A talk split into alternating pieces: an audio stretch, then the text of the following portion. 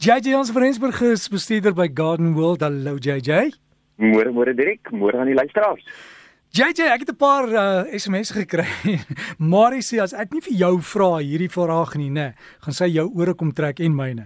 Sy sê sy sê sy sukkel met 'n grasperk. Sy wil weet watter kunsmis sy kan gebruik vir die wortelgroei op die gras. Jy weet ek praat mos altyd van die 321 wat eintlik vir wortel en stam groei op die grasperke um, is. So as jy jou wortels en jou stamme, jy weet in Engels praat hulle van to knit the lawn. Jy weet as jy wil hê moet mooi in mekaar invleg dan is seker die regte Afrikaanse woord wees. Dan moet jy nou die 321 gebruik. Ons gebruik natuurlik geweldig baie van die organiese bemestingsstowwe soos die Grow Green of selfs 'n gewone 713 vir blaarontwikkeling, maar natuurlik vir die wortels en die stamme, daai 321. En dan grond vir malvas, watter is die beste? Nou alhoewel 'n malva van water hou, hou hy ook net so net so veel daarvan om goed te kan dreineer. So as jy net 'n gewone potgrond sou gebruik as jy 'n malvas in potte sit, nie 'n potgrond wat water terughou nie, sal dit baie goed werk. Moet eintlik 'n bietjie meer sanderige grond as iets anders wees, maar saam met die sand moet daar nog steeds genoeg kompos in die grond wees. Jy kan byvoorbeeld nie 'n kaktusgrond gebruik wat baie min kompos in hom het nie. Jy moet eerder ietsie gebruik wat wel 'n bietjie kompos in hom het, wel voedingsstowwe in hom het, maar wat wel vinnig kan dreineer, want as hy te lank gaan nat bly, gaan jy ongelukkig vingerdprobleme kry. En JJ ek het hoeka, jy weet van my potte oorgedoen en nuwe gronde gedoen gesit. Toe sien ek nou die dag klomp mure op die pot en toe ek begin skrik toe kyk ek nooit sien ek nie maar hulle is daarom goggas wat in die grond gebly het te vang en weg te dra. Dit is dan heel interessant want gewoonlik is jou mure ook baie keer agter jou ehm um, plantmateriaal af wat nog nie heeltemal afgebreek het of wat nog nie heeltemal wegverrot het nie. So uh, ja, nee, dit is nogal interessant ene dat hy wel gehelp het met die met die insekte. Ja, so hulle doen nie net sleg nie, né? Ja, nee, kyk, ek glo dat dit definitief goed vir almal en alles in die wêreld. Ehm um, vir party mense is net baie minder goed as ander, maar maar nee, ek dink mure en van ek dink daar's definitief 'n baie goeie ehm um, funksie vir mure ook as jy kyk na die deurligting van die grond, die feit dat baie van jou reismure en van wel ehm um, van daai gras weer in die grond indra, van die kompos in die grond indra en die plantmateriaal in die grond indra. Sonder die beligting dink ek is baie baie belangrik. So Ja, mens moet nie dis kom ek altyd sê mense praat van insekbeheer en nie net wenig insekuitroeiing nie. Korrek JJ. En dan ook 'n vraag oor 'n uh, avokado wat geplant is. Die takke is laag op die grond. Moet 'n mens hulle sny laat hy mooi stam maak of nie?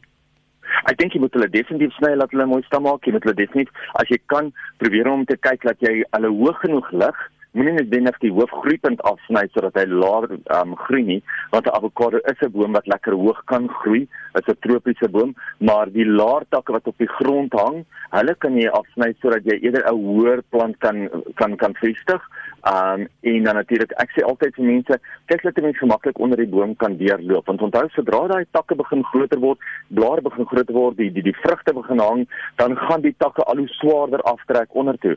En as hy net nie hoog genoeg is vir jou om nou al onderdeur om te loop nie, gaan jy ongelukkig probleme hê later van tyd dat as hy takke groot en dik ontwikkel het en lekker sterk is, dat jy dit dan moet afsag en dan is jou vorm van die boom heeltemal daarmee heen. So probeer dit eerder nou al doen terwyl die plant nog lekker jonk is en dan weet jy die net dat hy groot is, gaan hy mooi ontwikkel weer.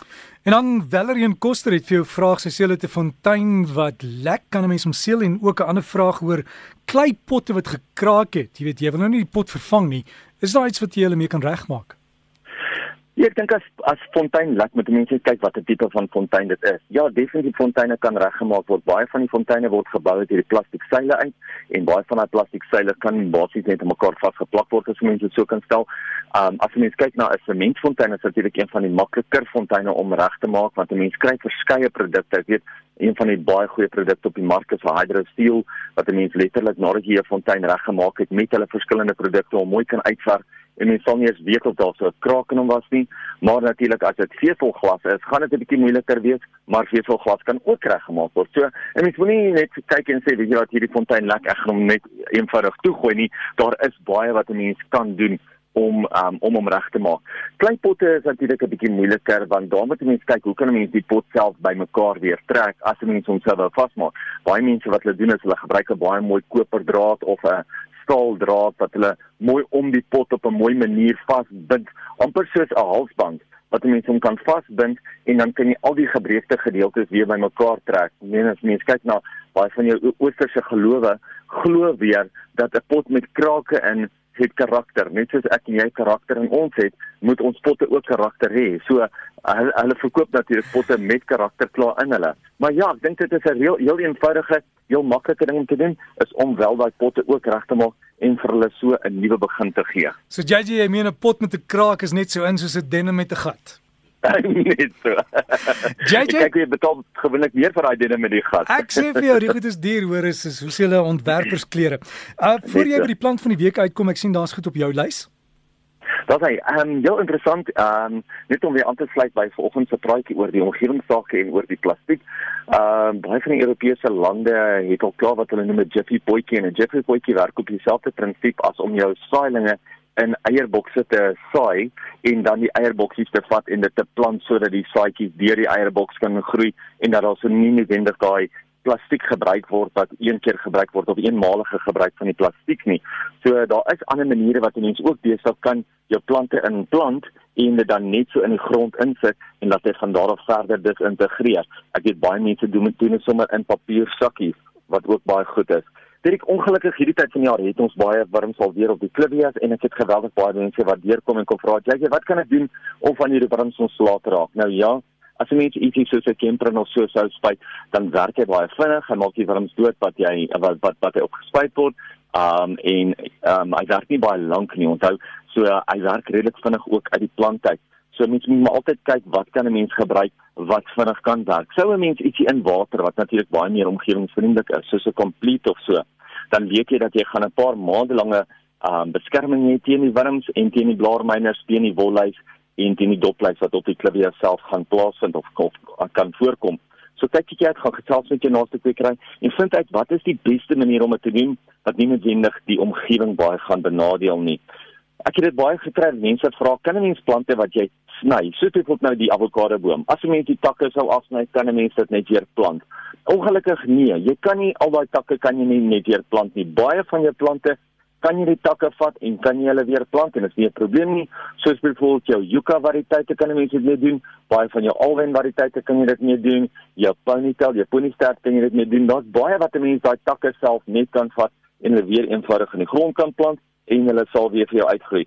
Maar ongelukkig, meeste van jou hardhout plante, meeste van jou plante wat groot blare op hulle het, hulle gaan jy nie net 'n tak kan vat en hom net weer in die grond kan sit nie. Wat 'n mens wel kan doen is jy kan daai tak laer afbuig tot op die grondvlak en hom effens in die grond weggrou. Nou dit is wat hulle noem 'n grond in leer. Nou hoe mense eh, 'n uh, grond leer eintlik maak, is jy vat 'n tak, jy knak hom eintlik dan druk jy die gedeelte van die tak in die grond daar waar hy geknak is en dan behoort hy eintlik vir jou um, baie maklik daar wortels te vorm en weer uit te groei. Ek het gehad dat mense my ook gevra het jy ek het kolle kolle sampioene op die graswerk. Hoe kan ek daarvan ontslaa raak? Nou heel interessant, daai kolle kolle sampioene op die graswerk is eintlik meer 'n teken van grasdraer termiete as wat dit is van sampioene of fungusse wat in die grond die probleem is. So 9 uit 10 keer as jy die grasdraer termiete doodmaak, dan gaan jy ook teen teen van die sampioene kan ontslaa raak. Natuurlik kan mense 'n bietjie kalkswalk so spuit um, om dan van die sampioene ontslaa te raak, maar gebruik eerder ietsie wat spesifiek 'n lokaas is teen die termiete en raak jy er so van die sampioene ontslaa. Laaste een op my lys vir vandag voor die plant van die week is mense wat ligplante het. Die regte manier om jou ligplante nat te maak is om hulle ten minste een keer elke 2 weke ook in water te dompel. So ja, jy kan hulle elke dag, elke tweede dag kan jy hulle met 'n ligte sproei nat spuit. Jy kan hulle in met jou besproeiing kan jy hulle nat spuit. Maar onthou, so een keer elke week, een keer elke 2 weke, vat jou plante, dompel hulle in die water en los hulle oornag laat hulle so die water kan absorbeer. Want as jy hulle net eenvoudig natspuit, natspuit, natspuit, kry hy nie genoeg water nie, maar dompel hom, los hom oornag en hy kan daai water absorbeer. Ons plan van die week vir hierdie week is 'n Salvia Amber's Wish. Nou Salvia Amber's Wish is 'n salie, ons almal ken die salies en ons moet 'n groot verskeidenheid van salies beskikbaar hê. Maar hierdie spesifieke ene is een van daai wat koraalkleurige blomme maak. Hy troon bo kan die plant uit. Hy word 'n bos van sê plus minus 'n meter 'n meter hoog by 'n meter um, wyd. Hy's baie gehard. Hy blom onophoudend. So dit is een van daai wat verskriklik maklik vir jou blom. Hy kan vol son hanteer. Hy is gehard soos ek gesê en hy is waterwys. So gaan kyk bietjie uit vir die salie, 'n salvia ambers wish. Lekker tyd maak vir die mense van hierdie week. So gesels JJ Jansen van Rensburg van Garden World. Sy e-pos is jj by gardenworld.co.za. Lekker tyd maak.